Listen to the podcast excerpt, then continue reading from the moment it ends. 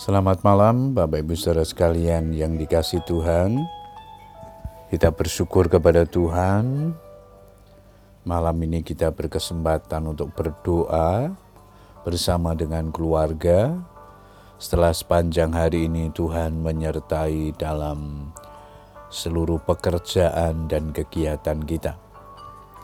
Malam hari ini sebelum berdoa saya akan membagikan firman Tuhan yang diberikan tema Tuhan adalah sumber kasih kita. Ayat mas kita di Mazmur 36 ayat yang ke-6. Ya Tuhan, kasihmu sampai ke langit, setiamu sampai ke awan. Di masa-masa sulit seperti sekarang ini, banyak orang Kristen yang goyah imannya mereka mulai meragukan kasih dan penyertaan Tuhan dalam hidup ini. Kalau kita masih saja meragukan kasih setia Tuhan dalam hidup ini, itu berarti kita adalah orang-orang yang tidak tahu berterima kasih.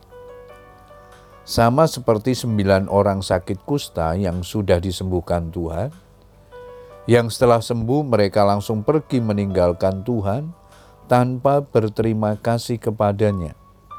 Lukas 17 ayat 17 Bukankah di setiap langkah, di mana pun dan ke mana pun kita pergi, dia Tuhan yang selalu menyertai kita.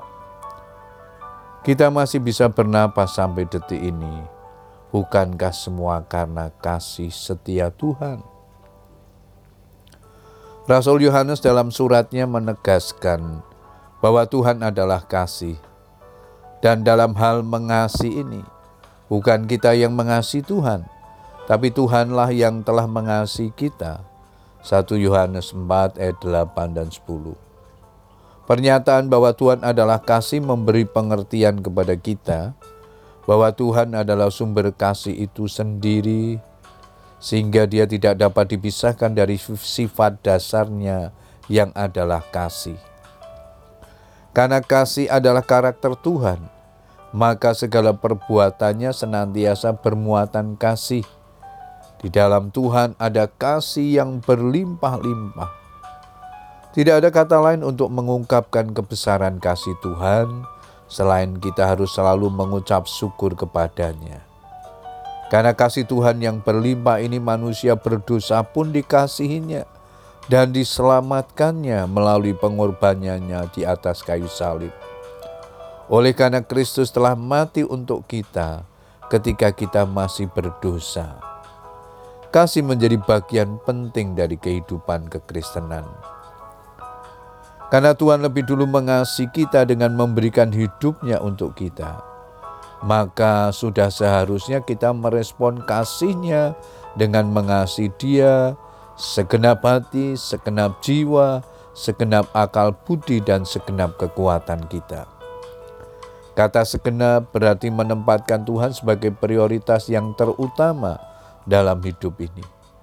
Kita menjadikan Tuhan sebagai subjek kasih satu-satunya. Tidak ada siapa pun dan apa pun yang kita kasih melebihi kasih kita kepada Tuhan. Banyak orang lebih mengasihi uang dan hartanya daripada mengasihi Tuhan. Banyak orang lebih mengasihi pekerjaannya daripada mengasihi Tuhan.